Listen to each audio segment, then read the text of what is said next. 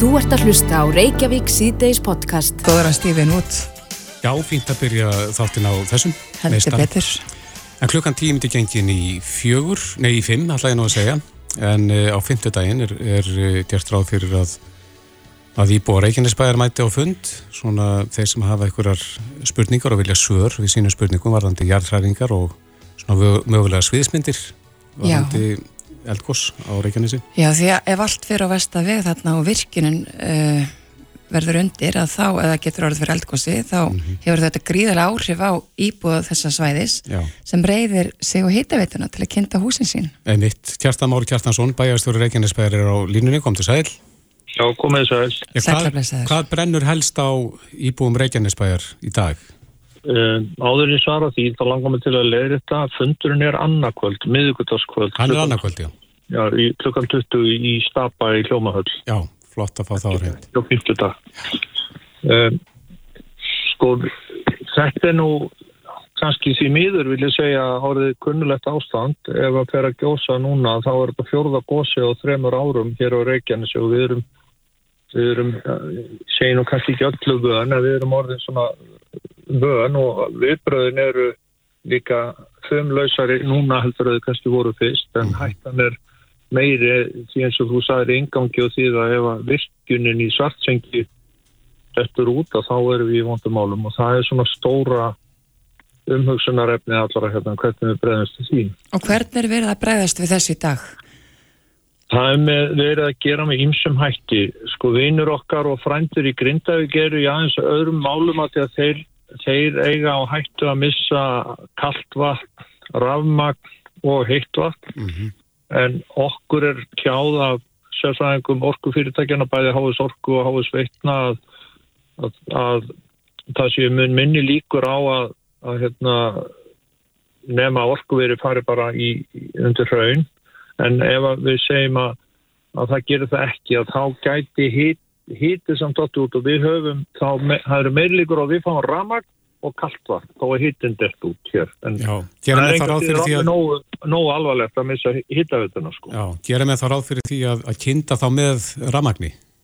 Já, það er, er alls konar hérna, hugmyndir uppi. Ég veit að fólk er að, að sanga sér ramasofnum og, og það er líka að einhverjir er að hérna, byrja sig upp á gasi og, og vera með gasofna Já, og ég fekk nú í bara síðast í dag erindi frá fyrirtæki sem að er að bjóða okkur og við ætlum að hitta í fyrramálið lausnir til þess að hitta upp skóla og, og, og hérna, felli heimili og, heimili og fleiri stofnanir með, með einhverjum græjum sem að ég er spenntur að sjá hverjar eru.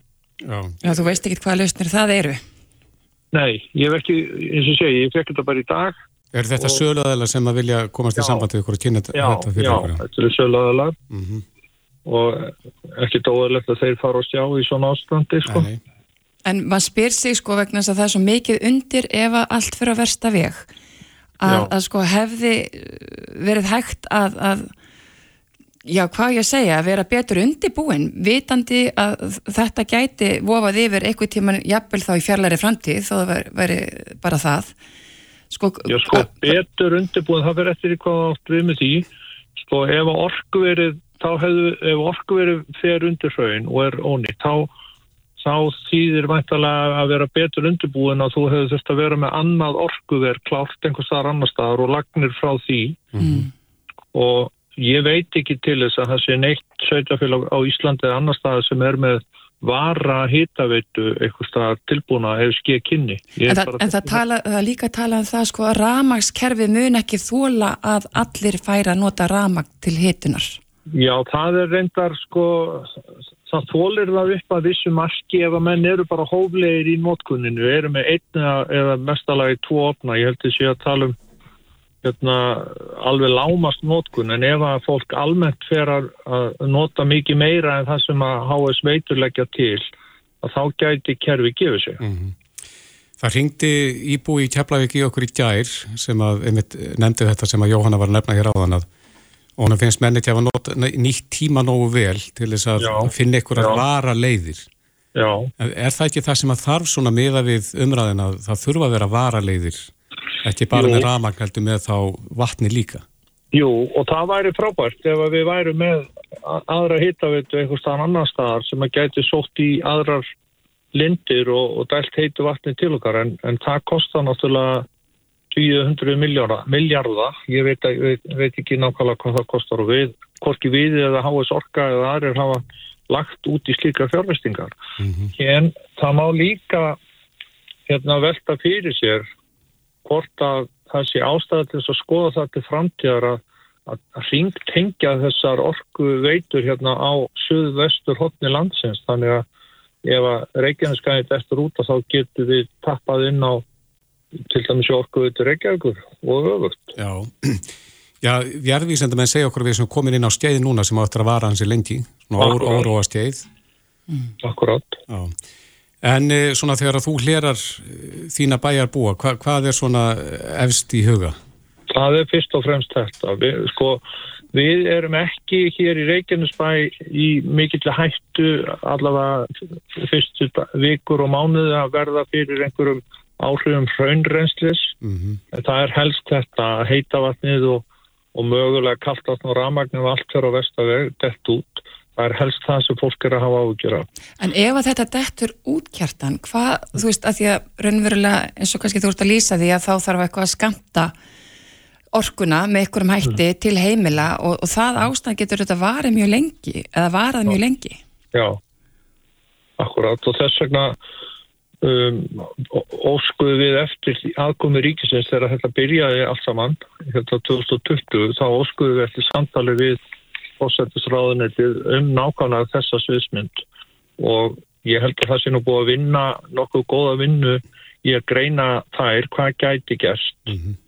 en, en það er svo sem ekki, við erum ekki komin eitt lengri það, það er ekki búið að tryggja eða byggja nýja hittavöldu en Nei. hvort að það verði gert einhvern tími framtíðinni, ég get ekki svara fyrir það en, en svona eru náttúröflin og við verðum einhvern veginn að, að læra að lifa með þeim Vinna með það eh, Kjartan, við erum að draga það út á bæjarstjórnafundi er að fara að ræða þessi mál núna?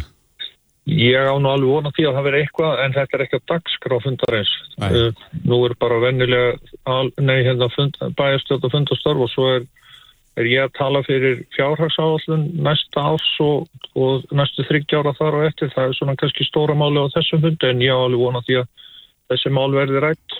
Mm -hmm. Já, en fundurinn, íbúfundurinn, hann verður á morgun? Annarkvöld klukkan 20 í Stappa.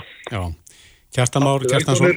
Og, og, og þarna verða hérna Kristi Jónsdóttir frá viðstofinni og svo menn frá H.S. Ork og H.S. Veitum mm. Víðir Einarsson kemur frá Almannavöldum Ríkistörfistjóra Guðrún Hafstensdóttir Dómsmálar á þeirra og fleiri og fleiri þannig að það verður þarna fullt af góðu fólki sem vonandi getur svara spurningum frá íbúðum mm. Flottir, Kjartamál Kjartansson Kæra takk fyrir þetta bestu kvöður Gangi ykkur vel Þú ert að hlusta á Reykjavík C-Days podcast Jæja, þarna erum við YouTube, The Sweetest Thing Það er klukkan í 25 minúti gengin í 5. Við ætlum aðeins að ræða næstu mínútur um samfélagsbanka. Uh, umræðum samfélagsbanka er að verða háværar í, í samfélaginu, heyri maður. Já, en þetta er sko umræði sem er sko alls ekki nýja nálunni. Búin að eiga sér staðja í mörg, mörg ár. Mm -hmm. og svona ég var ans að skoða svona aftur í tíman að verist vera alla kannanir sem hafa verið gerðar hér á landi benda til þess að stór hluti landsmannis í fylgjandi samfélagsbanka. En, en okkur langar svona að fræðast kannski meira um það svona hvað félur svona samfélagsbank í sér og hvernig nýtist það, getur það nýst okkur? Já. og sérstaklega í þessu ástandi eins og er í dag þessu hérna, verðbólkustígi og, og, og þessu háa vakstastígi sem við búum við hér. Já, kostur og gallar. Viljámur Birgisson formaður stafskunarsambansins sem ætti til okkar velkominn. Já, takk. Og Teti Björn Einarsson formaður refnaðs og viðstjórnarenda Þingsins. Góð daginn. Ef við byrjum á þér, eh, Viljámur, þú hefur talað fyrir samfélagsbanka. Já, ég held að þessi umræða núna sé að ná daldur nýjum hæðum, sérstaklega ljósi þess sem að almenningur er að verða fyrir í vakstamálum og þjónustugjöldum og öru slíku, þar sem að fólk hefur verið að horfa hér upp á gríðalega aukningu á sinni greiðslubyrði til fjármála kervisins. Hvað er samfélagsbanki í þínum höfum? Það er til dæmis er ísastór samfélagsbanki í e, Þískalandi og hann gengur út og það er raun og veru að arsemismarkmið e, hérna, samfélagsbanka er umtalsett minna heldur en gengur að gerist. Hér er arsemismarkmiðin í kringu þetta 10 til 13-14% Sér hann þá um húsnæðislán? Já, það, hann er sérst ekki með fjárfyrstíkaluta, heldur er þetta fyrst og fremst til að þjónusta sko lítil og meðarstór fyrirtæki og almenning í þessu landi og þetta myndi að okkar dómi í verkarsefingunni eh, skapa hér meiri samkeppni mm -hmm. á fjármálumarkaði þar sem að kæmi hér uh, þessi banki, landsbanki okkar Íslandinga ef hann er því gerður hér að samfélagsbanka þar sem hann myndi geta bóðið sínu neytendum uh, betri kjör gegn því að arðsemismarkmið hans er því lækkað verulega. Mm -hmm. Teitur þá spyrjum við þig, hvers vegna ekki svona samfélagsbanki eins og viljum vera að lýsa sem að væri sérstaklega fyrir já, almenningi þessu landi og gæti nýst okkur og, og gert okkur það auðveldara að fjárfesta í húsnaði Ég hef, hérna, ég finnst að lagi bara ágæti skilning á því sem að Viljómur er að segja og, og það svona fórsendum fyrir því að tefla þessu fram það er að segja um undirleikjandi markmið. Ég held að allir geta verið sammála um markmið um að við höfum hérna larra vakstasteg, við höfum meiri samkeppni á fjármálumarkaði og við séum að undirbyggja hérna, hvað maður segja, svona regluverk og aðgerðir þar sem að við erum að rói sömu átt, þar sem að markmið er að bæta lífskjör fólks í, í landinu, auka hagsald og, og auka kaupmáttur á hérna, kaupmátt fólks í landinu. Lýstir ekki á það að gera það með þessum hætti? Ég, sko, varðandi samfélagsbankan sem slíkan mm. uh, fyrsta lagi kannski er þetta átt að segja nákvæmlega hvaða er að það eru til ímsar útfæslar á því og ímsar hugmyndir mm -hmm. gott og vel og sjálfsagt að fari þá umræð uh, fljótt sér maður að það sem er verið að eiga átt við er að banki eigu ríkisins eigi að starfa með einhverjum öðrum hætti en sem bara fjármálu fyrirtæki á sanginnismarkaði Eh, þá þarf að svara spurningunni veitu, hvaða, hvaða fórnarkostnað hefur það í förmið sér? Er verið að tala um að ríki sé að fara niður greiða eh, vexti til ákveðin sluta hóps þeirra sem taka lán eh, Það var að vera að tala um arsemiskrafanir minni Já, já, ég kem að því, ja. en þetta er svona heildarmyndin ef að það er tilveik, tilveikið þá, þá erum við þeirri stöðu að ríki er raun og veru að, að taka peninga frá almenningi eða sem að myndu ell að nýtast í önnur verkefni Ég er að segja að það er fórnarkostnaður í þessu, við þurfum að vega það á að metta. Eh, en ég er alveg sammála Vilhjálmi og mörgum öðrum sem eru að horfa á fjármálakerfið á Íslandi og segja, heyrðu, hér getum við alveg öruglega gert betur eh, og getum haft það samkeppnishævar og við getum náð fram hérna sko að það sé ekki þessi gríðarlegi vakstamunur eh, sem eru að bytna á almenningi eða fyrirtækjum í landinu og við getum þá hort á atrið eins og skattlagning á fjármálafyrirtæki hér meiri en annar staðar en ákveðan löndunum. Það eru kröfur á bankana sem að koma til vegna þjóðhagsvarúðar sjónarmiða út frá fjármála stöðuleika. Við getum þurft að skoða slíka reglur, hvort að það séu of íþingjandi og við getum sannlega skoða þá arsimis kröfu sem að ríki gerir á sinn banka, segjum landsbankan. Er hún of há er hægt að lækka hana uh, er eigi fyrir til dæmis landsbankans of mikið mm -hmm. er hægt að lækka það og þar með minga arsmiðskröfuna uh, þetta er allt atriði sem maður sjálfsagt að taka en ég, ég er bara ekki tilbúin að, að segja samfélagsbanki af eða á að því að það er bara svo margt óljóst nákvæmlega hvað í því fælst Teitur, nei, vilja mér alltaf einu að segja Hvað segir þú við því sem hér kemur fram í máli teitur? Ég held að náttúrulega grundvóttar atrið er það að almenningi þessu landi bara ofbýður orðið það ástand sem að ríkir sko í íslensku, á íslensku hérna fjármálamarkaði.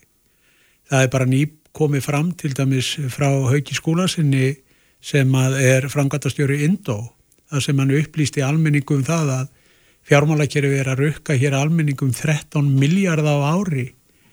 E, og hann færði rauk fyrir því og kallaði þetta bullgjöld einfallega vegna þess að það var engin kostnaður sem að bankakerfið e, var að rukka neytundur um varðandi þessu gjöld. Það var engin kostnaður sem að þau urðu fyrir mm -hmm. varðandi þessu gjöld. Svona, en getur verið að hluti af ástöðinu síðan svo teitur nefnir hérna að það eru bara of, miklar álugur á Bankana. Eh, klárlega er eigi fyrir bankana allt og mikið og ef ég man þess að tölur nákvæmlega rétt að þá er eigi fyrir uh, viðskiptabankana þryggja í kringum 700 miljardar sem gerir það verkum að uh, þessar tölur, hagnaða tölur verða mjög stórar mitt mat er að það þarf að lækka eigi fyrir í, í, í böngunum þannig að, að með því væri þetta að draga úr þessari arsemiskröfu en grundvallaratrið í þessu er að það er engin samkeppni á fjármálamarkaði fyrir utan þetta nýjasta sem kom núna með Indó en þeir eru ekki uh, neitt uh, vaðandi útlán Er því samfélagsbanki innspytting í Algjörlega, ef, ef, ef, ef að kæmi hér samfélagsbanki sem að myndi hér fara að bjóða upp á mun betri gjör, bæði vakstagjör sem og þjónustugjöld að þá likur alveg fyrir að hinn í bankanir er það að fylgja eftir því að það kom fram í skýslu sem að e, efnaðs og visskiptaraður að let gera ekkit alls fyrir löngu að það er engin samkeppni. En við hefum það búið að tala um að samfélagsbanka í mörg, mörg, mörg ja, ár en af hverju er þetta ekki orðið að vera Hárið og já. nú verður þetta aldrei fróðlegt. Það verður mjög fróðlegt og það er mikilvægt fyrir hlustundur að hlusta núna sem ég segi vegna þess að nú er þetta fórstæðsræðara nú verður þetta fórstæðsræðara sagði á e, e, landsfundi vinstri græna árið 2015 að mjög mikilvægt væri að gera landsbankan að samfélagsbanka. Þannig að arðurinn renni til eh, hérna eh, viðskiptafina og þannig að þetta lækka hér kostnað. Og vinstir grænir sendu frá sér álíktun á þessum tíma það sem þeir nýtt á því þessu mikilvægi. Og þetta er ekki bara vinstir grænir heldur þetta líka fransmákluflokkurinn sem hefur haft mjög sterkar skoðunar á því að það eigi að gera landsbankan að samfélagsbanka Er það sjálfstæðarflokkunum ljóni veginn? Við, við erum núna með tvo flokka, Já. við erum með tvo flokki ríkistjórn sem að báðir hafa talað um það að gera landsbankan að samfélagsbanka. Þess vegna verður mjög frólitt fyrir okkur í verkefnisefingunum núna mm -hmm. að sjá hver viðbröð stjórnvalda verða við þessari kröfu og trúið mér, almenningur er að kalla eftir þessu. En er eðlilegt að ríki fari í samtjafni við engaðaðila?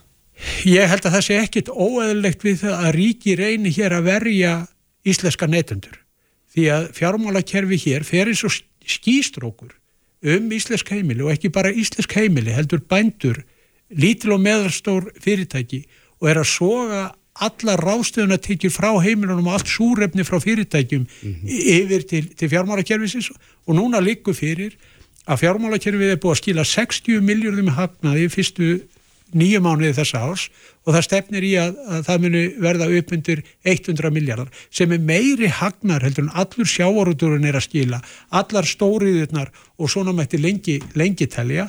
Og þetta er óeðlegt ástand og ég trúi því ekki að stjórnmálumenn sjáu það ekki að fjármálakerfið á Íslandi er e, að leika íslenska þjóð mjög illa og það er hlutverk stjórnmálamanna að standa vörðum hagsminni almennings í þessu landi en ekki alltaf bara fjármálakerfi því að það er alltaf talað um mikilvægi fjármála stöðuleika þá spyr ég hvaða fjármáleika stöðuleika er það fjármáleika stöðuleiki fjármála fyrirtækja og þeirra sem eiga fjármálega á Íslandi skiptir fjármála stöðuleiki í íslenskra heimila og lítill á meðrastóra fyrirtæka engu, engu máli. Hvað segir við því teitur? Fjármála stöðuleiki heimilana Já, það ég, er ekki mikið rætt um uh, þann stöðuleika. Jú, ég held að það sé nú það sem að öllum áli skiptir, þess að ég kem inn á hérna varandi að auka kaupmátt heimila landsins og mm -hmm. auka hérna e, svona almenna hagsald í landinu, í þáu fólksins í landinu. En heimila mega samt setjundi því. Þetta er aðalatri og það sem að við erum að búa við... Aðborgunar lánum já, já, sveiflast, það, er, sko... það sem við erum að fást við núna er því miður alveg gríðalega hátt vakstastig og það hefur gríðalega afleðingar og það er sásökafullt uh, þetta vakstast er komið til af eh, atriðu sem að snúa hefur fyrst og fremst að, að mikilir verðbolgu mm -hmm. og það er mikið keppi-keppli allra sem að koma að málum að, að ná hérna niður verðbolgu það held sé mesta svona mestu kjör sem almenningu getur sótt er að ná hérna niður verðbolgu en ég vil koma inn á það að að margt er ég sammála Viljómi hér varandi mikilvægi þess að fjármálakerfið sé, sé virt, það sé virt samkefni og það sé ekki þannig að, að neytundu séu berskjaldað er gagvart ofriki þess. Við höfum hér eh, samkefnislögjöf, eh, við höfum líka önnur aðrið sem er að tója aðra átt. Það var þessi þjóðasvarðar tæki sem er að koma inn á fjármála stöðleika eh, atriði þau eru að tóka hinn áttina og þau eru að auka kostnað fjármálafyrirtækjana sem að bytnar inn á þessum vakstamun og bytnar niður á óhagstöðum lánskjörum. Eh, þannig að það er alveg keppi-keppli að, að skoða þann þátt, hvernig getum við laga þá umgjörð. Uh, en svo aftur að samfélagsbankanum, þá erum við með einn banka, landsbankan sem er að fullu eigu ríkisins og banki eigu ríkisins má spyrja sér til hvers á ríkið þennan banka. Almennt er ég þeirra skoðunar og sjálfstæðarslokkurinn að ríkið á ekki að vera í bankarekstri, á ekki að vera í samkemnisrekstri bankaregstur er áhættu samur. Þannig að þið myndi vilja selja landsbankan? Já, já, það er það sem við höfum já. lengi verið að tala fyrir. Já. Fyrir því eh, hefur bankaregstur verið áhættu samur á Íslandi eitthvað tíman? Er, myndur ekki halda það með? Já. já, hvert fór sá reikningur? En, hann, fór líka... hann fór allur á skakkreyndur, allur á skakkreyndur, það kostaði á sínum tíma, saka fjármálaráðanitinu, 426 miljardar að endur þessa fjármálakerfið, menn löpuðu bara þar í burt og reikningurum var sendur til skakkreynda Þannig er þetta alltaf og hefur alltaf verið. Það eru neytendur og skakkreyndur sem sitja síðan alltaf... En þú tekur stöðuleika framlegin með reikningin að það reynda þá held ég að það sé ekki ja, svo slæmur útreikningur. En, en er ekki fjármálastofnarnir með er... belti og axlabönd? Já, það sem ég vil koma samt inn á varandi samfélagsbanka, mm -hmm. þá, þá höfum við haft ímsa tegundir af einhvers konar samfélagsbanka eða banka eða fjármálastofnarnir sem að hafa haft einhver pólitísk og hafa pólitísk markmið. Við getum nefnt stofnun eins og byggðarstofnun sem hefur ákveðið markmið snýrað fjár uh, útlánum á, á landsbyðinni. Við höfum uh, hérna lánasjóð íslenska námsmanna sem er ákveðin fjármálastofnun með lán uh, með ákveðinu tilgangi til námsmanna. Við höfum hérna sögu af íbúðalánasjóði sem er núna íeldsjóður sem fór ekki vel en það var ákveðin niðugreðsla á húsnæðislánum til almennings. Sá reikningur sem er að koma í hausin á skattgreðendum er um 300 miljardar sem að sá það tap á, á þeim banka, nokkuð svona samfélagsbanka, hafði för með sér. Þannig að þetta er ekki alveg svona klift og skorið eh, að samfélagsbanki sé töfralaust, en ég held að ég og Viljólmur og fleiri sem sammálaðum ákveðin svona líkil atriði ná hérna niður vakstakostnaði, ná fram hérna kerfisbreytingum í, í, í fjármála kerfinu sem að stöðla virkar í samkeppni. Það er líka önnur atrið sem að eru að þessar fjármálareglur, þessar gríðarlega miklu fjármálareglur, eru meðal annars að hindra innkomi nýra aðila, eh, nýra tækni lausna eða greiðslumiluna lausna með einsum appum og öðru slíku sem að geta mögulega þjónust að almenning með sín fjármál miklu betri og haka mér að hætti mm. en, en nú er þetta bankar að gera. En allt sem þú ætti að segja núna þetta er engin laust fyrir fólkið ég, ég, er laust, ég er bara velta fyrir mér að því að nú eru við að fara inn í þann kæra samningavetur og það er alveg ljóst að verkefliðsreifingin hefur sett þennan samfélags, uh, samfélagsbanka á, það er af málinn sem uh, verkefliðsreifingin hefur sett á ottin og eins og Viljum bendir á, það er um, sko, vinstri grænir og framsökumenn eru báðu jákvæðir í þessa veruna, e, myndi þá sjálfstæðalflokkur standi vegi fyrir því að, að það er þið farið allar leið? Ég, ég myndi fyrir ekkar horfa á sko, hvað, hvert er hlutverk ríkisins mögulega til að koma til móts uh, við þessi sjónamið varðandi aðgengi almennings að fjármagni eða, eða hagstaðum lánum, þá er það alveg atrið til að taka sérstaklega fyrir. Við erum til að mynda með vakstabóta kerfi sem að hefur verið í gildi en það er mörguleiti núna orðið okkur úrært. Við erum búin að eðalega það sko. Já, það er 2,4 miljardar sem hefur verið að fólk út í því. En, en það er ákveðið niðugreisla ríkisins til, til skuldara með ákveðin skilurum. Það eru önnur atrið sem snúa húsnæðismálum sem að ríkið er að fjármagna með, með skattpenningum Eh, almenna íbúðakerfið og, og svona uh, frekari fjármunum veitt til sko, byggingar og félagsleira íbúða og þess áttar. Það eru aðtrið sem hafa verið að koma fram í viðræðum aðala vinnumarkaðarins við stjórnvöld og ég held að þetta séu aðtriði sem, sem að við verðum að horfa í. Ég ætla að svara þessu sko vanandi vakstabættur og annars þetta er gott og vel, ég, ég get alveg tekið undir það, það Þetta eru leiðir sem það er verið að hafa verið á bóðunum. En, en þá eru menn að setja plástur á slagablaðingu. Fólkin er að blæða út og ég segja móti, er það eðlilegt í raun að vera skakkreindur síðan nýðugræða okkur vext í fjármálakerfisins. Þetta er eitt. Sko, varðandi bara stjórnmál almennt, þá er það mér alveg hulir ágata að menn skulu vera að rýfast um uh, henni ymsum máli inn á alþingi núna. Á sama tíma við erum að horfa upp á það að áratug eftir áratug, áratug eftir áratug, þá stendur íslensku neytundum til bóða hér 150 til 350% harri vextir heldur en í öllum þeim löndu sem við erum að bera okkur sama við. Mm -hmm. Það er nóg að fara upp á næsta hól og horfa til færiða. Þar stendur neytundu þar til bóða eh, fastir vextir óvertriðir til 30 ára á 4,8%. Hérna er þetta 11%. Færingar eru 50.000, byggja sína ákom á tveimur þáttum sem er, er sjávarútur og lagseldi. Þetta er hægt þar. Hví óskupunum eru stjórnmálamenn og bara stjórnvöld á hverju tíma fyrir sig ekki búin að rótar greina þetta og spyrja sig mm -hmm. hvað er það sem veldur því að Já. þetta er svona hér á landi? Ár eftir ár. Eitt kannski aðeins í lokin, í gerðmorgun í bítinu kom fram útrekningur sem að sínir að einstætt fóreldri er tíu ár að uh, sapna fyrir fyrstu útborgunni íbúð og með því að drekka vatn og borða núlur hvað finnst ykkur um þetta? Ég get bara svara þess að þetta er bara skjelvingarstað og þetta er bara nákvæmlega það sem við erum að tala um þess vegna verkefliðsefingin líka mm. að tala um að taka upp nýtt húsnæðislánakerfi hér þar sem að neit, íslensku neytundu standið til bóða, sambarli kjör og, og, og bjóðast í þau löndu sem við erum að byrja okkur saman. Þetta er bara skjelvingarstaða og það kemst engin inn á markaðin og, og, og vakstastíði hér er búið að gera það verkum að það er engar íbúður að seljast og það er að hægjast verulega á mhm. allri uppbyggingu. Þetta er, þetta er áhugjefni og við vitum að staðan er bara orðin mjög erfið hún er sérstaklega erfið á, á húsnæðismarkaði og þetta er að verða tölverk krísa mm. uh, og, og brýtt að finna nýja leið sem við þurfum að koma okkur út úr því það eru margs konar leiðir til þess að fást við til dæla flókna stöðu það er til að mynda aukið frambóð á húsnæði og öðru slíku sem þarf að koma til. Alatrið er þetta.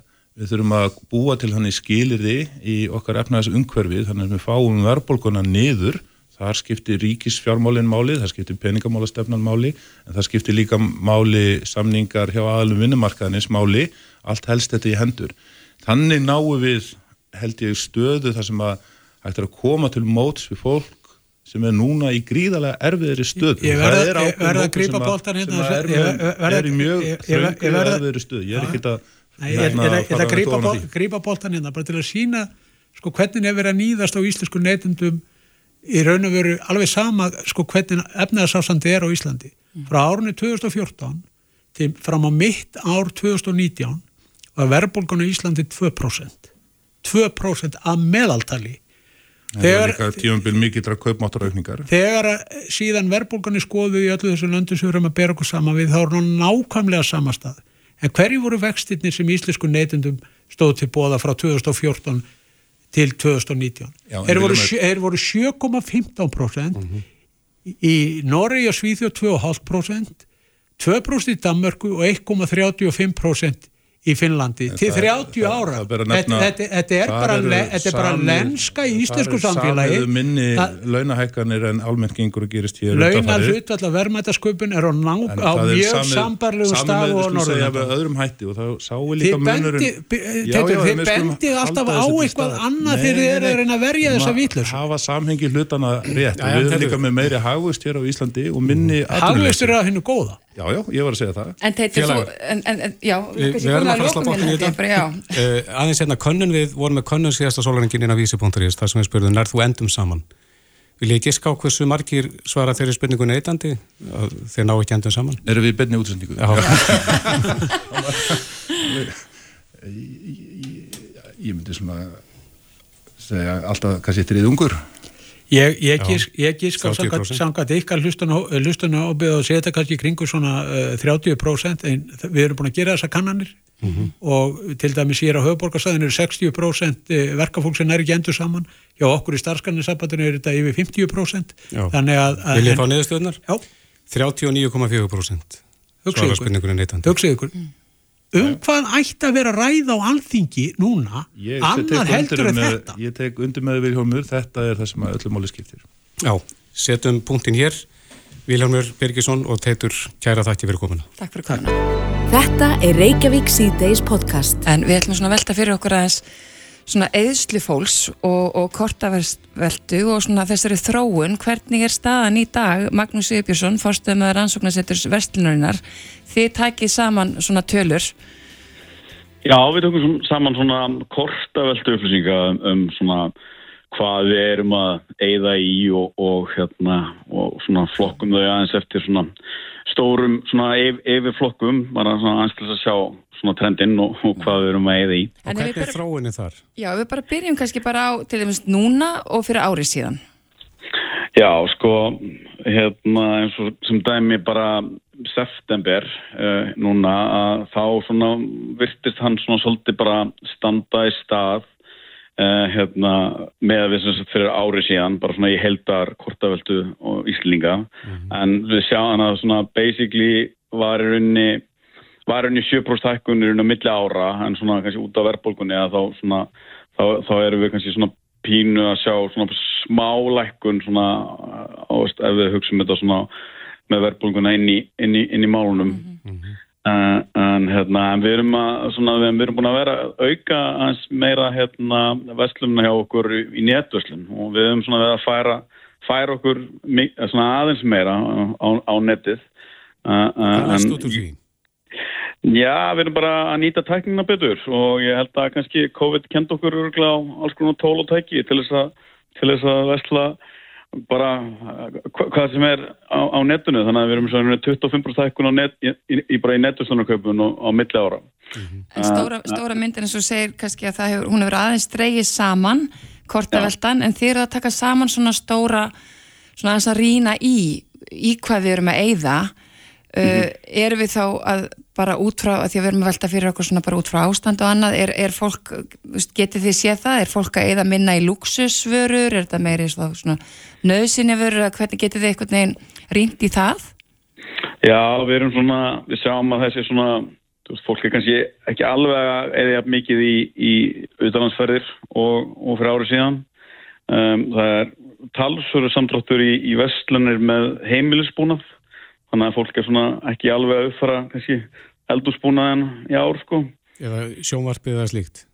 Mm, já, já, meðal annars, meðal annars það og, og, og heimilis, já, almenn heimilisbúnað. Svo ráttækis. Svona, já, í rauninni fellur ráttæki ekki að undir en, en þetta er svona, já, þetta er rauninni líka, líka, líka bara sófinn og eldursporðið og, og hérna, gaflar og nývar og allt þess að það sko. Þannig að það er svona, það er svona þannig flokkarnir sem við, sem við erum, erum í rauninni svolítið að flokka en, en svo er náttúrulega mikið lögning bara í, í dagurverðslunum. Já, í maturinu og, og slíku. Í, í maturinu, já. Reykið það til hækkunar á, á uh, maturuverði? Já, það er náttúrulega, þú veist, það hefur náttúrulega sínt að matvaran og, og mat, matarkarfan er, a, er að hækka en, mm. en það er náttúrulega margt sem spila þar inn í líka. Það er í rauninni öll, öll aðfangarkeðjan má, má alveg taka til greina alveg frá hvaðan sko veslaluna fá, fá vörðnar en þannig að það eru bara svolítið hækunar og mjög mismöndi svona hvaða vörður hafa hækkað þar en, en við sjáum alveg um 20% aukningu í, í, í rauninni í veltutölunum okkar milli ára í, í dagurvörslun mm -hmm. Hvað með född? Með född það er svona eiginlega svolítið svona aðeins að draga saman. Okkur fannst líka svona svona, svona sumir flokkar aðeins vera svona að draga saman svona síðustu tvo mánuði. Um, þá svona þá svona meðalans sko eldneti aðeins verið að draga saman svona millir mána fólk er svona aðeins að Má reykja það til, til bara aukningar á rafbílum? Já, það, það er bara mjög góða punktur, þannig að ræðbílasala aukist gríðarlega, þannig að það er, hérna, það er örgulega trendið, en, en föttin hafa sko, um, að vera henni hækkað um svona, já, um svona 7% að milla ára uh, fata, fata og skóðuslun mm. og, og það er þá svona svolítið pínuð þá bara á, á pari, en, en svona í þeim svona, því sem við höfum allavega reyndi í, í, í, í fötum er að það er svona svolítið að standa í stað ef ekki dragast svona örlítið, örlítið saman ára. En ráftæki og símar og sjónvörp og svo leiðis, eru þið með upplýsingar af það? Já, það er svona það, það helst svona helst svona líka nokkur neginn á, á pari en það var 15% uh, uh, mingun millir mánada á millir september og ágúst á, á, á veldu í ráftækjum mm -hmm.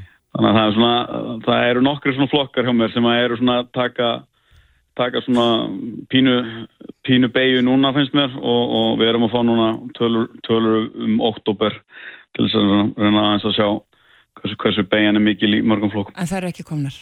Það eru ekki komnar, það er að koma í lókuðunar. En Magnús, þú segir, erum... að, þú segir að netverslun sé að aukast. Já. eru það rísar inni eins og búst sérðu það hvort að vestlunni sé að færast á meira úrlandi? Já, nei, við erum, þessar tölur eru allt innanlands í rauninni, við fáum í rauninni gögn okkar frá fæsluhörðum innanlands, þannig að þetta er í rauninni innlend netvöslun og í rauninni innlend, innlend netvöslun og í rauninni posa, posagögn, þannig að hérna... Það er nú frálega að sjá, sjá þróunin í því hvort að veslunin sé meira að færast á úrlandi? Já, algjörlega og, og við erum með alveg aðrar og áhugaverðari tölur um erlenda netvöslunni, já. Ég hef bara kikið kaffi flótlega aftur til þess að fara við þær með ykkur. Ekki spurning. Mm -hmm. En þú segir að, að það er dregur úr hérna eðslu í sumaflokkum en ekst á öðrum stöðum eins og í dagveru veslun. Já og það er svona kannski helsta í því, eða svona núna er það er svolítið mikið af flokkum sem er svolítið að, að draga saman millir mána þannig að við svona er frólægt að sjá og hvernig okkur oktober svona eldir það trend. Já, skildiði rétti er mest á aukningin í dagverunni?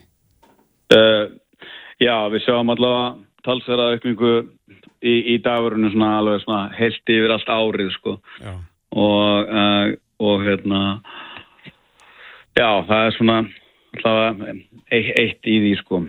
En svo er náttúrulega þessi stóru dagar eins og hérna Black Friday og Cyber Monday, Singles Day og þessi dagar þeir eru allir að dettin.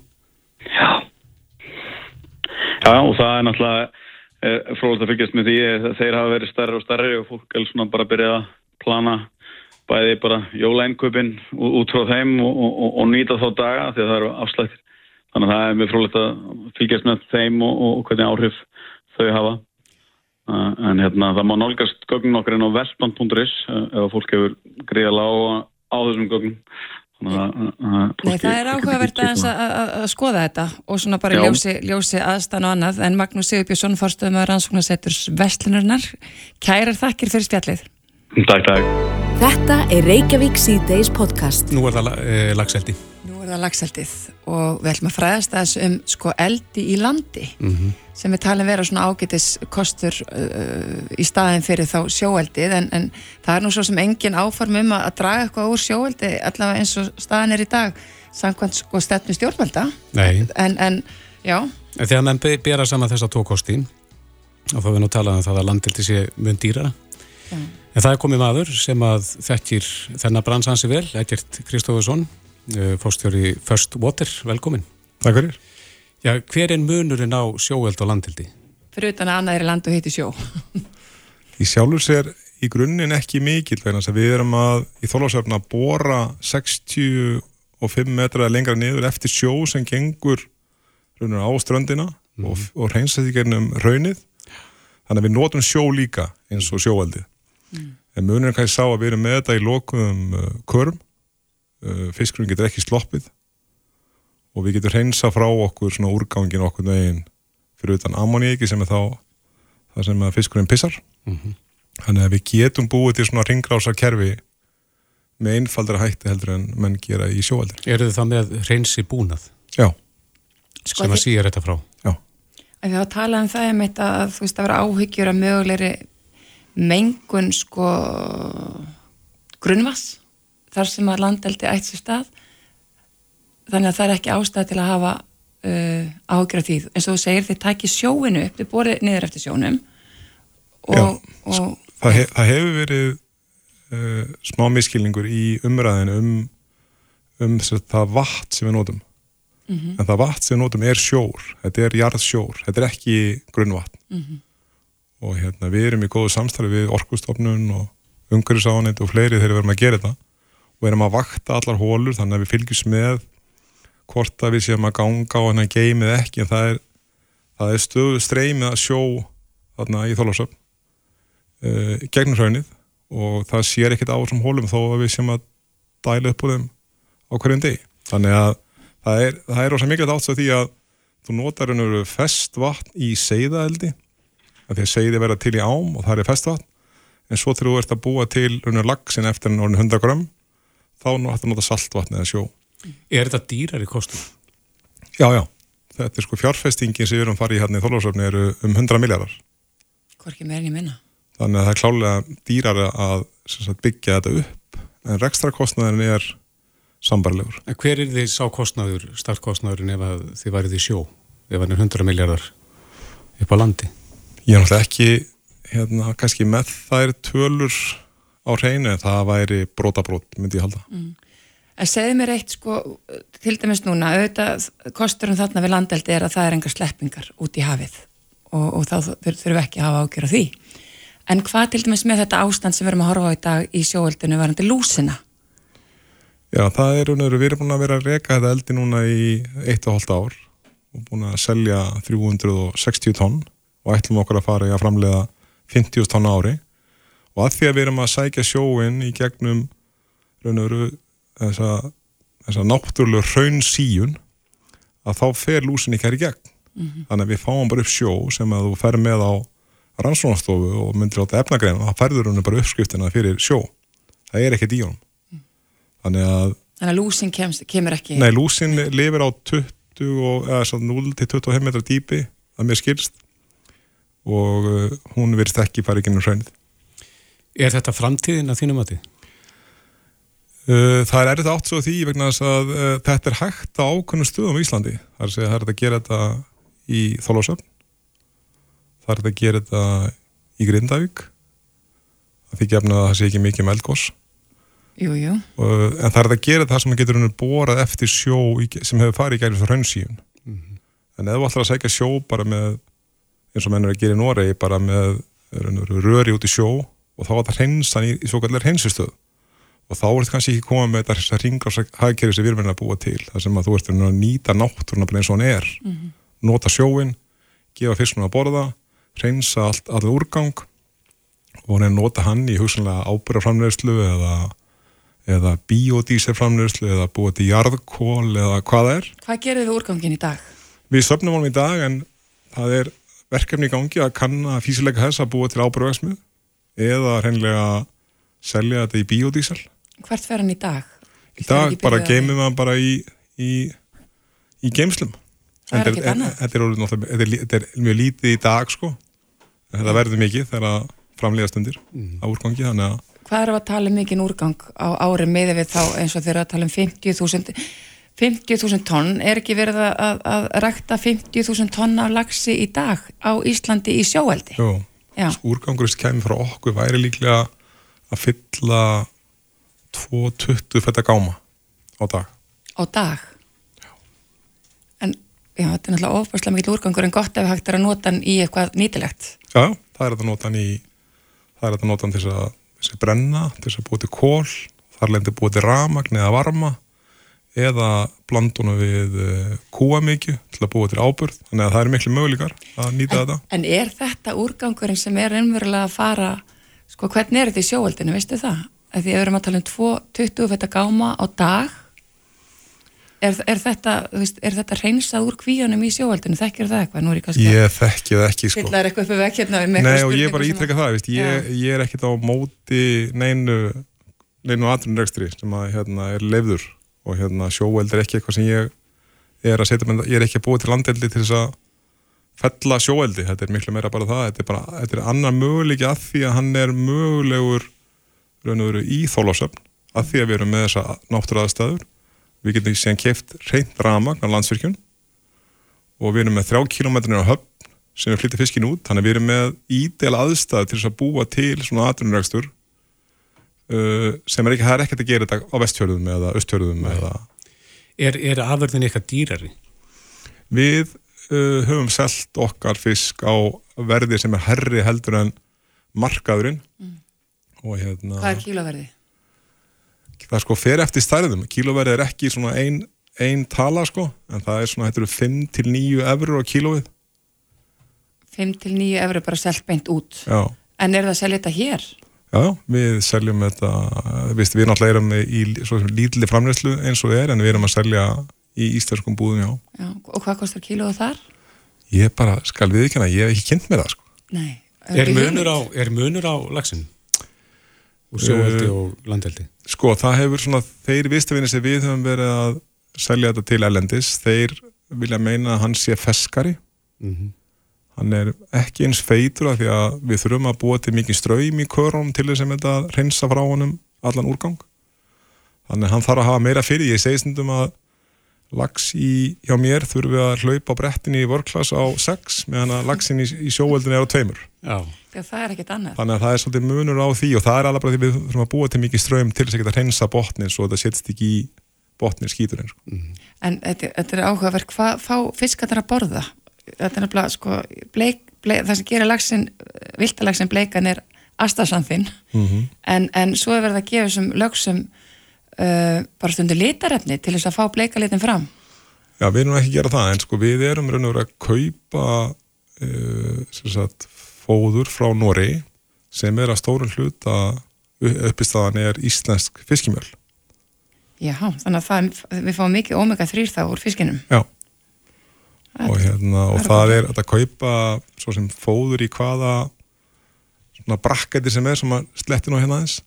En, en við leggjum mikla áherslu að það sé mikið fiskimjöl sem er veru það sem líkist þeim mest sem hann er að borða í, í sér náttúrulega aðstæðum. Já.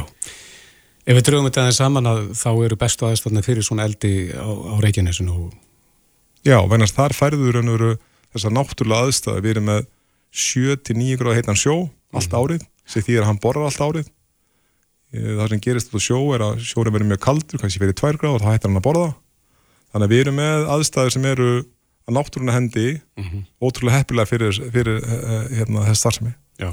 Bara einn spurning, að- merkiði lagsin ykkar ef að fólk ætlar að kaupa lags að hann sé úr landeldi? Sko við erum svolítið ekki að marka þetta beint til sko viðstafina en þeir sem kaupa lagsin á okkur, þeir merkjan sem landeldis lagsjá. Eggert Kristófesson, fórstjóri First Water, kæra þakki fyrir komin. Takk fyrir. Reykjavík síðdeis á Bilginni podcast. Já, Jóhanna, við ætlum aðeins að snúa okkur að bandarískri pólitík. Já, það hafa margir gaman eða fylgjast með pólitíkin í bandaríkjanum og, og náttúrulega nú er svona um það bil ár, Já. nánast upp á dag Mhm. uh, til næstu bandarísku fórsættakostninga. Já, og það stefnir í að Donald Trump, svona meða við skoðanakannanir, verði þá næsti kandidat. Republikan er það ekki á móti Joe Biden. Jú, jú, það stefnir allt í það. Ég held að hann ber höfuð og herðar yfir, yfir uh, sína keppinuta í forvælinu. En við hefum fengið uh, hann að Silji bara Ómarsdóttur hérna á línuna til okkar, stjórnmólafræði prófessor uh, við Háskóli Íslands. Silja bara, Já, hvað segiru um, um þessar vendingar í, í, í þessu, hvað ég segi, þessum aðdraðanda fórsetakostningan í bandaríkjanum því að nú lítur út fyrir að Trump uh, hann svona, hvað ég segja hann er í fórustunni núna í þessari uh, keppni um fórseta embættið já, hann eins og það er ber höfuð og herðar yfir allavega keppinetta sína í, hérna, í republikanafloknum og verðist vera óskoraður þar leittói í, í forvalinu. Uh, við mögum eftir að sjá hvort að það hafi mikil áhrif á getu hans þess að vera í frambóði, vera virkur í frambóði, að vera í öllum þessum dómsmálum sem að vofi yfir honum, en uh, eins og staðan er í dag að þá allavega er hann uh, mjög sterkur. Og það eru svona nýlegar uh, greiningar sem að, að svona hafa verið að hrista svolítið upp í demokratunum að, að Trump er að, að mælast með forskot á bæten og, og Já, það er ekki nokkur um líkil ríkjum.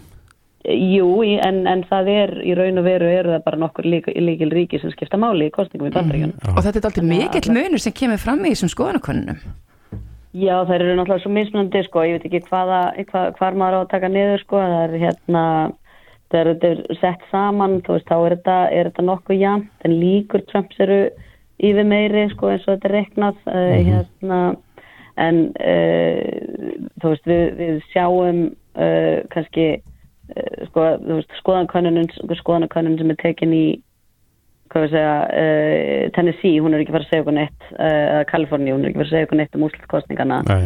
en skoðana kannanir í, sem að sína mikla sveiflur í Arizona og Georgíu sem að, að hafðu mikil áhrif síðast, Michigan, Pennsylvania, þessum ríkjum, þetta er það sem að, að maður þarf að, að, að fylgjast með. Og svo er þetta sko staðan ári fyrir kostningar kannski er heldur ekki alveg marktæk en, en uh, En það er samt, demokrater eru hrættur um að Biden sé of afslappaður að hann ætti að vera farin að, að eh, fara meira, meira út á, á vettvangin og, og sækja sér fylgi en ekki leifa Trump að eiga uh, aðtegli fólks svona nokkur neginn og skora það. Já, en Silja, hvað stýrir þetta vegna þess að á heimsvísu er Donald Trump kannski ekki mjög vinsæl, en hvað stýrir þessar miklu vinsældir heima fyrir?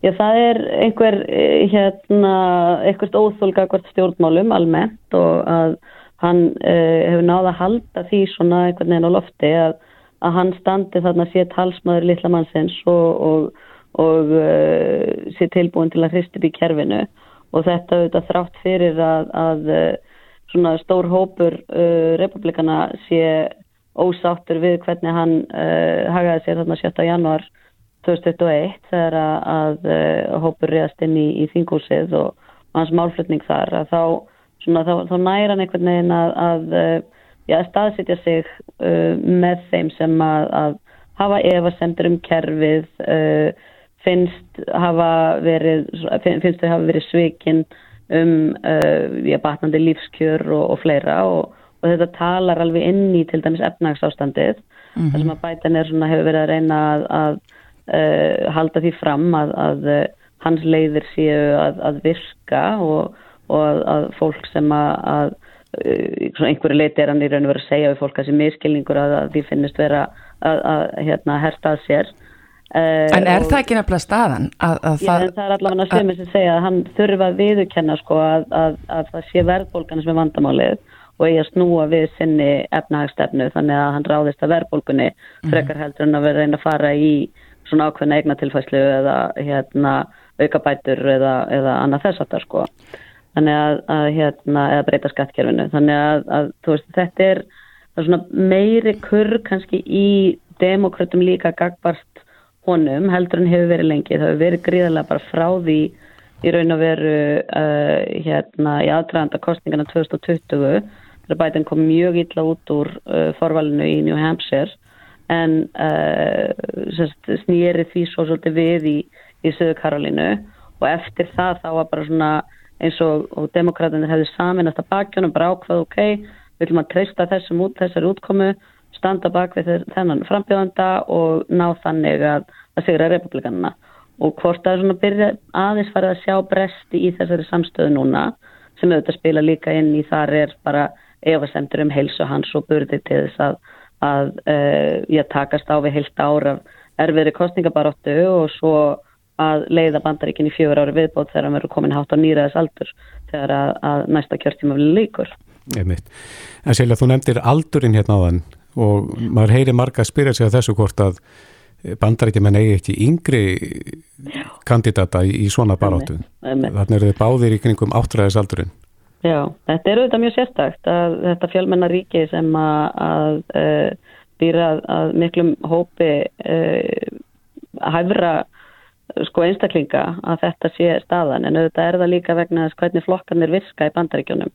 Uh, Trump er, er ákveðin undantekning og hann kemur mjög þverst inn í, í flokkin vinnur sér ekki upp innan hans. Mm. en, hérna, en það er að, að fólk þarf að sapna í sjóði mjög lengi, það þarf að, að sapna sér uh, bandamönnum til þess að, að eiga talsmenn inn í ólík samfélög uh, ólíka hópa, ólík ríki og borgir sem að þarf að vinna svona á, á líka við persónlegum grundvelli Já, er enginn er, er engin utan flokka sem að gæti verið líklegur?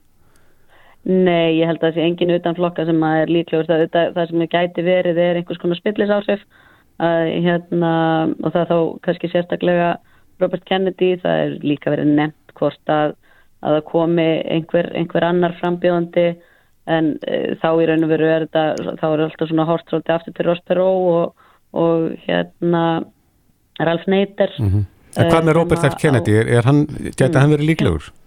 Ég minna hann er uh, óhæður frambjóðandi Hann ætlaði nú í, í frambóð fyrir demokrataflokkin en, en, Já, í upphafi Jú, ég talaði um að þeir eru bara raunverulega sett stein í göttans til þess að, já, já, að það verður og það er, auðvitað það sem stjórnmáluflokkar gera er að þeir eru, þú veist, þeir eru valdabáttn og, og, og valda elítan í flokknum auðvitað uh, hérna bregst við og ákveðin hátt, annað held ég að væri nú kannski svolítið svona uh, óraunsæn álgun á það hvernig stjórnmálflokkar virka. Uh, Trump er, eins og ég sagði, hann er mjög mikil undantekning vegna hann kemur inn í óþökk stjórnmála elitunar í mm. republikanaflokknum mm -hmm. uh, hérna og, og langt flestir vildu ekki sjá hann sem leðtóa flokksins en sáu sér síðan uh, bara sínum hafa betur borgið að, að styðja hann þegar hann hafi náð þessum stuðningi kjósunda en, uh, en, en þá er þetta alltaf spurning sko af hvorum tekur og hvorum frambjóðanda stóruflokkana tekur óháði uh, frambjóðandin fylgið. Þetta er ekki spurning um að, að viðkomandi nái að, að jafnvel í sko uh, atkvæði hérna uh, kjörmanna vegna þess að þú þarft í, í öllum tilvíkunum og tveimur að vinna meiri hluta fylgi í, í því ríki til að fá kjörmenn heldur þetta spurning hvort þú skekkir hlutfallin þannig að, að uh, eða einhver annar græði eða tapi á þínu frambóði og það eru auðvitað þess vegna sem að, að hérna, uh, flokkarnir bregðast kannski ítla við þegar að, að óhæður frambjóðandur koma fram. Já, akkurat. En aðeins að þessum dómsmálun sem að, sem að Trump stendur í, hann stendur í nokkurinn dómsmálun, geta þau haft áhrif? Það er, er líkur á dómaverið fallin í eitthvað með þessum málum áður en að kemur til kostninga? Já, um, ég held að það sé sko einhver málinn gætu verið útkljáð, það er málið í New York ef ég mann rétt að þar er bara dómari, það er ekki kviðdómur, mm -hmm. þannig að gæti, því gæti lokið uh, hérna uh, fyrir, uh, fyrir kostningar örglega en Getur það haft áhrif á kjörgengi Trumps? Já, hversu mikil áhrif þetta hefur síðan í raun og veru á getu hans til þess að vera að sækja sagt, eh, halda kostningaviðburði mm -hmm. ef hann er bundin uh, við málflutningin í dóms, uh, dómsal og það gæti raun og veru kannski spila mest inn og svo eru einhverjir, þetta er alltaf náttúrulega bara kannanir það eru vísbendingar í kannunum að fólk myndi segja ef hann væri dæmdur þá myndi ég kannski skipta um skoðun. En, en aldrei, það hefur samt ekki verið það hefur ekki hinga til þetta hefur verið alls konar, hérna, alls konar mál sem hafa verið í kringum hann og þau hafa ekki slegið á þetta fylgjans. Nei, það er bara heila þörft að móti aukið eh, fylgið við hann sko, en þá, sko, að að það vilja náttúrulega margi meina þetta sé raunverulega bara málaferðlega pólitískum toga og hann segir þetta sjálfur. Og, og maður svona, hérna, maður er að fylgjast með þessu, þessari umræðat núti að, að það verðast nú margir vera komnir á það vagn og benda á að ef að ef að þetta væri í ekkur öðru ríki bara eins og Rúsland og Kína að helsti keppinættur sittandi fórsetta væri mm. undir þýlikum eins og þeir vilja meina ofsóknum og málaferlum að, að hálfu sko pólitísks um, an, pólitísk anstæ, anstæðings að þá myndum við kannski horfa hans öðru á þetta heldur en ef þetta verður eins og núni þessi tilfæki Trump Já, það, auðvitað hefur þetta komið upp sko en það er einhver síður þá eru þá hefur Biden skipað uh, eða hérna dómsmálar á þeirra hans hefur skipað saksóknara í einhverjum tilveikum þar sem að, að uh, hérna sem að, að hafa verið stöðningsmenn Trumps mm -hmm. þannig að þú veist að hafa reynd að forðast að setja sjálf sig beint í þessi svona þessi afskipti en það er, þú veist, þetta er auðvitað alltaf hægt að, að gagrina og mm -hmm. hérna var líka uh, var mikið til umræðu sko hvort að uh, þú veist á hvaða tímapunkti er þið of seint að fara í þetta vegna þess að þá væri verið að binda frambjóðanda í málaferðli en þetta eru ólík domstig uh, það er eitt mál sem er mannrétt sem er allríkismál sem að bætan hefur raun og verið eitthvað um að segja. Síðan er máli Georgius og máli New York og þetta eru ólíkir, er ólíkt framkvæmdavald sem fer með þetta. Þannig að það líka mm -hmm sko ósangjart að segja að það sé uh, Biden sem að stendur að baki þessu demokrataflokkurinn í Georgi Þetta sé pólitískar ásóknir Er það svo sannlega ekki, ekki demokrataflokkurinn sko. En Silja, ef við strykum aðeins undir að því að tímin er að hlaupa, hlaupa frá já. okkur að eins og staðin er núna þó að sé nú langt í land að þá er já. staðan þannig að Donald Trump gæti orðið næsti fórseti bandaríkjana Já, já, það er algjörlega möguleiki Já Mm. Silja Barómastóttir mm. uh, professor við stjórnmálafræði til Háskóla Íslands. Kæra þakki fyrir spjallið. Takk fyrir. Bless, bless. Reykjavík síðdeis á Bilginni podcast. Maður þess að snú okkur á fótbóltanum. Það stefnir í formannstjör hjá uh, KSI, fráfærandi formadur. Vanda Sigurgestóttir er á línu, kom til sæl. Góðan daginn. Já, kom til sæl. Já, þú hefur, hefur tekið ákvörðunum að, að bjóða þið ekki fram áfram. Já, ég hef gert það. Já. E, búin að fá nóg? Nei, ég myndi nú ekki lýsa því þannig, alls ekki heldur. Það er bara, er aðri hluti sem ég langar meira að gera þáttur að þetta sé mjög skemmtilegt og hafi verið bara mjög gefandi og mikil heiður. Þú varst nú ekkert vissum að vilja fara fram og það þurfti nú ansið mikið að svona íta eftir en þú ákvæmst að taka slægin og ert fyrsta konan sem að kjörin er í þetta embætti uh, svona bara ef þú lítur yfir sviðið uh, svona hvað hva kannski stendur upp úr og, og það er náttúrulega alveg ljóst að það voru svona miklar áskoranir sem að, að þú þurftir að takast á við í þessu embætti.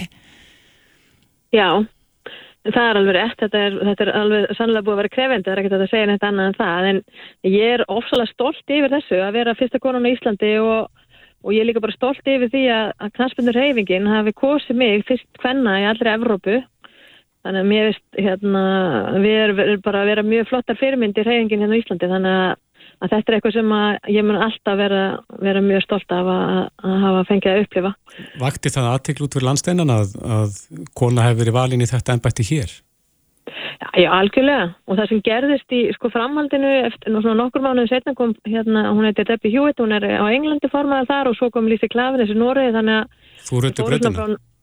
Við fórum svona frá null og í, í, í þrjári á á svona, svona frekastustu tíma. Og nú komur eini viðbúti í Belgíu og, og það er slætt að varaformunum þannig að hérna, það fer frá því að, að vera engin og, og, og við, við finnum það alveg að það, þetta hefur áhrif að ég segi mjög ofta að konu þurfa að vera það sem ákvarðin eru teknar og það er að gera sem er mjög þróun þó að það sé ennþá langt í land en þá er að tala um Evropu en, en, en þá er samt bara mörg mikið verðskreft tekið.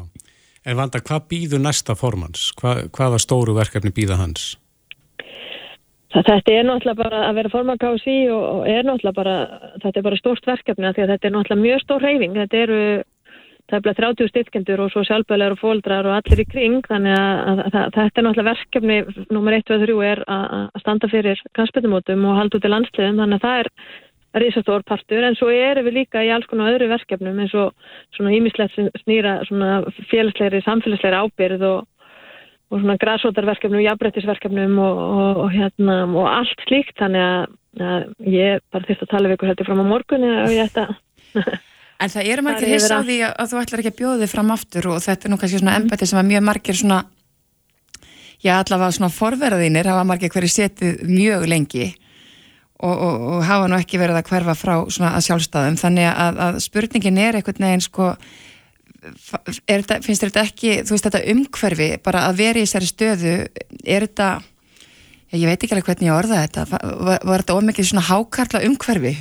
Eða svona var nei, þetta nei, ekki, ekki, vinveitt umhverfi eða hvað, hérna Sko mér finnst þetta ákvörðunum mín snýr ekki að, að, að þessu, heldur meira að að ég er að hverfa tilbaka til fyrirstarfa sem að mm -hmm. eins mikið og, og knæspunnan er, er, er svona mitt hjartasmál og að þá er hinn málinn mín sem að svona snúa að eins og ég hef sagt bara annars vegar á mentavísindi Háskóli Íslands og hins vegar á fyrirtækinu Kvann sem er svona snýra að þjálfun og fræðslu fagfólks og, og vinna einheltisforvöldnum og allt þetta. Þetta mm -hmm. er bara svona mitt lífstarf ef maður horfður bara tilbaka hvað ég gerði áður en ég fór í, í KSI Mm -hmm. En, en varðandi þetta umhverju þá finnst mér ekkert í fótbóltanum eitthvað frekarheldur en annar staðar í samfélaginu það er bara svolítið dómarka mm -hmm. og mér finnst allt í lægi að við horfum að þessi speil og líka við fullunarfólki að því að við finnum alveg og nú er ég svolítið að tala um kannski gegnum hvaðan að þetta síast niður til barnana og ég bara, maður er bara að sjá svona eitthvað dómörku minna umbyrjulendi og og það er alls ekki, og bara að segja þetta aftur ekkert bara í KSI eða tengslu við fókbaltan heldur bara svona almennt. Og ég held að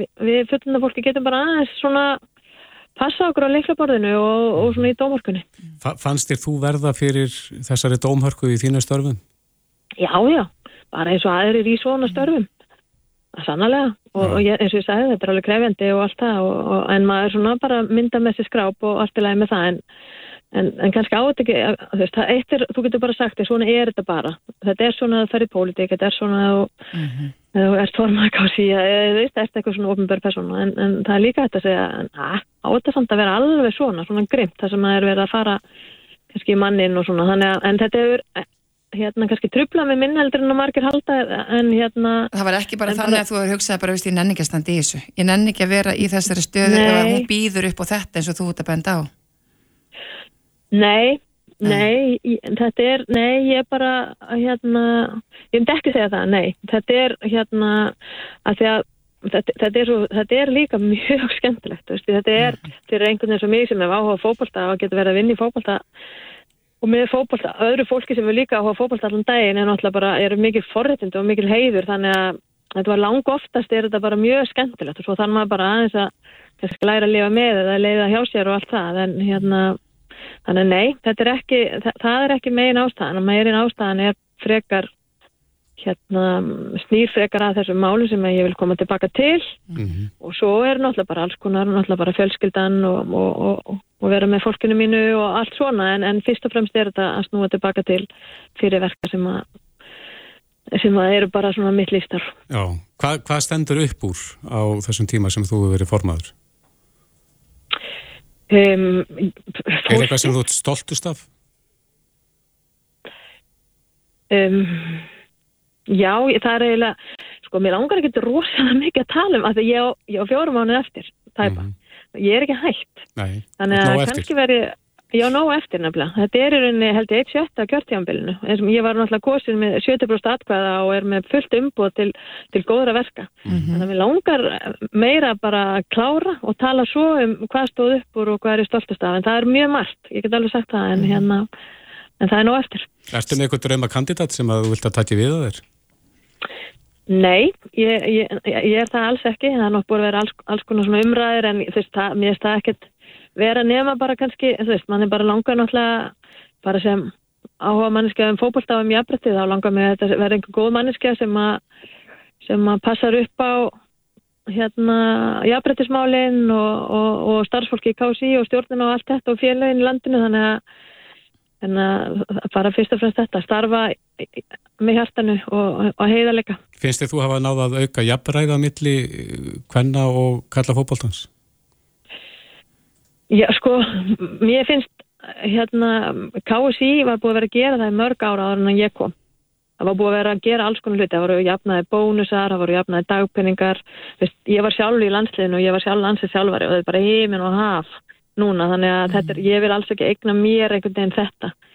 En ég veit eftir móti að, að ég og við í stjórn KSI, það er náttúrulega fjölga konum og fjölga konum í nefndum og þannig að þetta sjónurhórn er að koma ofta fram, þannig að við erum bara bursi frá því hvað aðri gerðu, ég ætla ekki að vera að bera mig sama við einhverja sem á undan koma, heldur bara það sem við gerðum var að við horfðum svolítið mikið bara með þeim glerugum og eins og við væru bara með Excel-skjál og öðrum meginn eru konur og hinn meginn kallar og, og kannski bara öll kyn og hérna og bara erum við, að, erum við að passa upp á þetta, erum við að gera jæmt, hvar þurfum við að bæta okkur og höfum svo bara verið að gera það. Það er aldrei gaman að því þú ert náttúrulega búin að vera alveg frá bara þinni æsku ertu búin að vera viðlóðandi fó, viðlóðandi fótboltan. Rifið hans upp með okkur af hverju þú byrjar í fótbolta og hvað varstu gömul?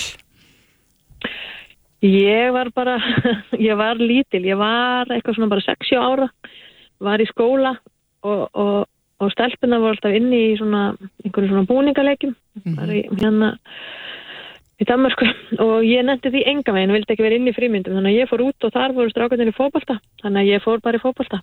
Já, og ert búin að vera þar síðan? Já, og svo var bara íslensku vinnu minn heitir Jóhannes sem við vorum hann saman á svona kollegi, svona stúdentagörðum í, í Kaupanhöfn og við vorum líka, hann var mikill maður og, og svo flutti á Dalvik og þar voru svona heima, það var mjög skemmtir, það var félag sem var sérst ekki byrjað svona fótbolta á Dalvik svona í félaginu heldur voru við með svona heimagerð eitthvað stjarnan og mánar og sjaplín og eitthvað svona. Þannig, þannig, og svo fór ég að spila með strákarum á króknum þegar ég var 10 ára, eitthvað svona 9-10 ára. Já, og, og er mikið, mikið vatn rundi sjáar síðan að þú byrjaði í boltanum sem þú ert að tala um var þetta jafnrétt og annað slíkt sko. En allir að vera eitthvað viðlóðandi við erum svona endað þetta síðasta spurningin. Já, þegar já. þú hættir sem, sem formaður. Já, já ég allavega hérna eins og ég segi, þetta, er skemmtilegt þetta er reyfing sem hefur mér ekki vendum og hefur gert mjög mikið fyrir mig þannig að ef að krafta minn óska þá er það eitthvað sem ég mun að sjálfsögðu skoða og ég, hef, ég var það líka áður en að ég var ég var þjálfar í 30 ár og mm -hmm. alls konar formaður í tindastól og eitthvað þannig ég hef verið viðlöðund þessar reyfingu og mun pottið talta því áfram Já, Hva, hvað ætlar að gera næstu fjórum mánuðum? Ekkur stórvirki? Það er ímislegt, við erum alltaf bara í svona klassískum haustverkum eins og að gera fjárhásállun. Mér finnst hérna við 23 ára hvenna ég vil festa það í sessi uh, en hérna og svo hérna græs á völlin? Já, það er kannski stærsta. Takk fyrir að ég er svona. það er náttúrulega kannski stóru, stóru, stóru málin. Það er, hérna, við erum búin við nýjan veruleika. Við þurfum að geta að spila fótbolta í Íslandi allt árið um kring, landslið og félagslið. Nákvæmlega. Og það getum við ekki gert á lögatarsvelli og hérna, þannig að við verðum að fara í er- hvenær verður byrjað á þeim?